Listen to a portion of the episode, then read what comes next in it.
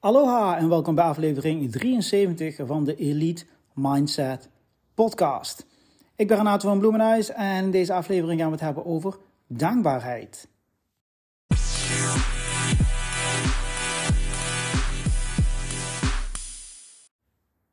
Dankbaar zijn, dankbaarheid actief beoefenen om die dankbaarheid ook daadwerkelijk te integreren in je mindset, in je, je basis uh, denkwijze, hè, in je, echt als mindset, dus als filter die je over de wereld heen legt.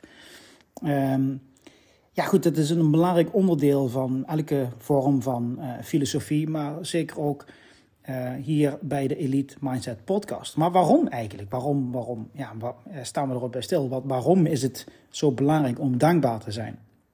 Natuurlijk hebben we het daar vaak over. Hè, dan, ja, dan kun je uh, meer genieten van je dag, meer genieten van het moment, meer genieten van de dingen die je hebt en niet zoveel te focussen op de dingen die je niet hebt.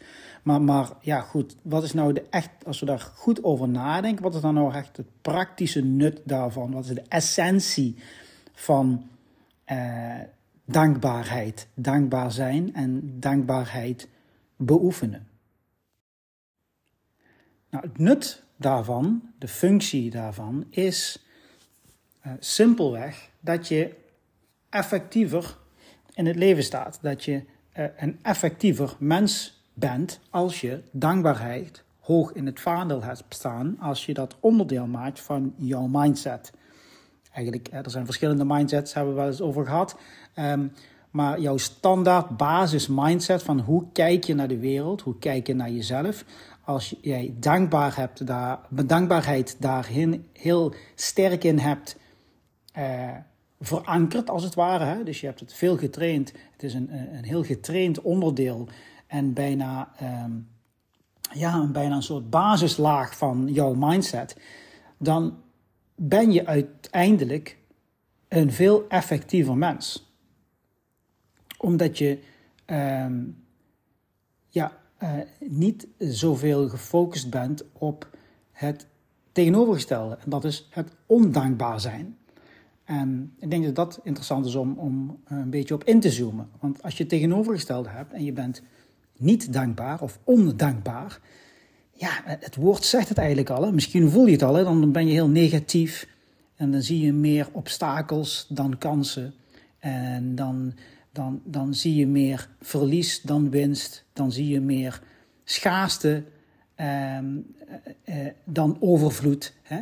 En daardoor word jij ook veel beperkter in de dingen die je doet en kunt, doet, kunt doen. De mogelijkheden die zich voordoen, zie je dan meer als obstakels. Dus door dankbaarder te zijn, ben je effectiever, omdat je niet ondankbaar bent. En daar dus al die negatieve obstakels en die negatieve uh, mindset eigenlijk met je meedraagt en over de dingen heen legt. De wereld is niks anders dan een reflectie van jouw projectie.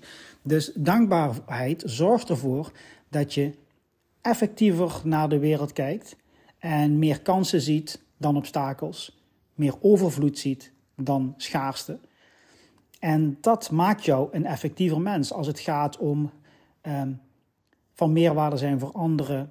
Uh, het bouwen van nieuwe dingen, het aangaan van nieuwe, um, nieuwe avonturen. Um, en de dingen niet zien vanuit angst, hè? want dat is natuurlijk heel erg uh, verbonden met zo'n ondankbare mindset. Hè?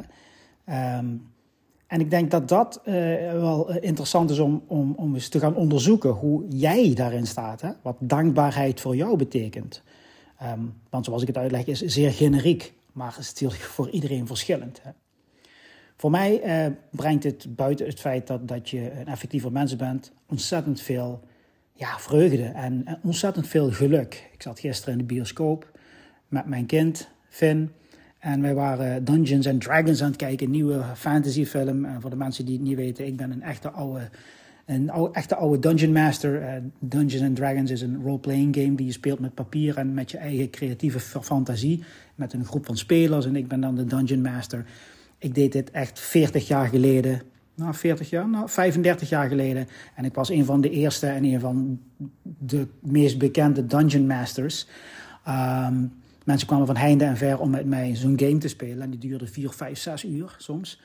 Um, en en uh, speelde zich geheel af in de fantasie van de spelers en van de Dungeon Master. Dus deze film was voor mij ontzettend gaaf. Ik zag heel veel dingen die ik al was vergeten. Uh, wezens zoals de Displacer Beast en uh, Grey Ooze. En was gewoon super gaaf. Maar ik zat daar en ik was en ik werd overspoeld met een enorm gevoel van dankbaarheid. Dat ik gewoon in deze wereld leef, in deze tijd waarbij dingen uit mijn jeugd mainstream worden. Waarbij ontzettend veel mensen plotseling fan zijn geworden van Marvel. Omdat die films uit zijn gekomen. Hè? Noemen we MCU, Marvel Cinematic Universe. Maar ik ben al letterlijk en figuurlijk daar wel zeker 45 jaar 100% pure Marvel fan. Ik ben opgegroeid met die comic books. Ik spaar ze nog steeds. Ik heb er superveel. Ik heb een speciale displaykast in mijn, in mijn huiskamer. Ja, heeft wat uh, kruid gekost om uh, mijn, uh, mijn vrouw daarover te, te niet te vechten, maar over te stoeien. Maar hij staat er. Um, waarbij Marvel Comics, waarbij ik Marvel Comics display en fig, action figures en zo, weet je wel. Dus ik ben gewoon ontzettend dankbaar dat ik in deze tijd leef waar al die dingen uit mijn jeugd nu mainstream worden. En waar ik, gewoon een film kan kijken over Dungeons and Dragons die ook nog echt goed is. Want er is ook een tekenfilmserie en eerdere films van gemaakt en die waren echt, ja, die waren echt afschuwelijk. maar dat ik dit mee kan maken en dat ik het met mijn kind kan delen en dat ik, dat, dat ik gewoon überhaupt die film kan zien. Dat ik geld heb om naar die film te gaan. Dat ik in het land leef waar ik gewoon naar de film kan gaan. Hè. Dat ik de financiële mogelijkheden heb om een pasje te, te, te Ik heb al sinds het begin, denk al bijna tien jaar, uh, Unlimited Gold pasje van, van, van, van Pathé. Dus ik kan naar de film gaan wanneer ik wil. Dat dat allemaal kan, daar ben ik gewoon super dankbaar voor. Natuurlijk werk ik er ook voor en alles wat ik creëer, net als deze podcast waar je naar luistert, dat is vanuit mij. Dat is omdat ik die stappen, die actie heb ondernomen, die consistentie, al die uren erin steek. Natuurlijk, maar ik ben nog steeds bang, dankbaar dat dat allemaal mogelijk is. Maar ik ben ook dankbaar, zat ik gisteren aan te denken, dat ik gewoon de film kan zien met de nadruk op zien. Voor hetzelfde geld heb ik na het opnemen van deze podcast, uh, weet ik veel, krijg ik een broerte of krijg, ik een tiara en kan ik dan, ben ik blind. Snap je? Kan.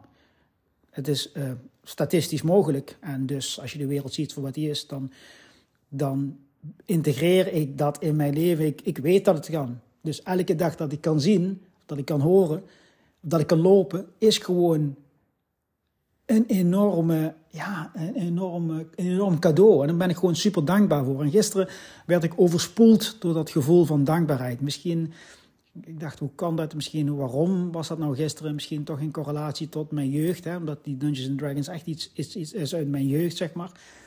Um, ja, daarom maak ik deze podcast vandaag, om dat met jullie te delen. Dat je er is zoveel om dankbaar voor te zijn. Maar wij zijn het gewoon vergeten omdat we gewoon elke dag in die rat race zitten. Um, maar denk er eens over na. Dus wat betekent dankbaarheid voor jou? En er zijn zoveel dingen om dankbaar voor te zijn. Hoogstwaarschijnlijk heb je nou een, een iPhone of een smartphone vast. En zit je in je huiskamer of je loopt ergens of je zit in je auto en je luistert naar mij. Daar zijn al zeker 10, 15, 20 dingen te bedenken om dankbaar voor te zijn. Ik hoop dat ik jou iets heb mogen uh, leren, bijdragen, mogen inspireren met deze podcast, aflevering over dankbaarheid. Ik ben Renato van Bloemenhuis. Als je tot hier bent gekomen, wil ik je enorm bedanken voor het luisteren. En ik wens je een geweldig fijne dag. Tot de volgende keer.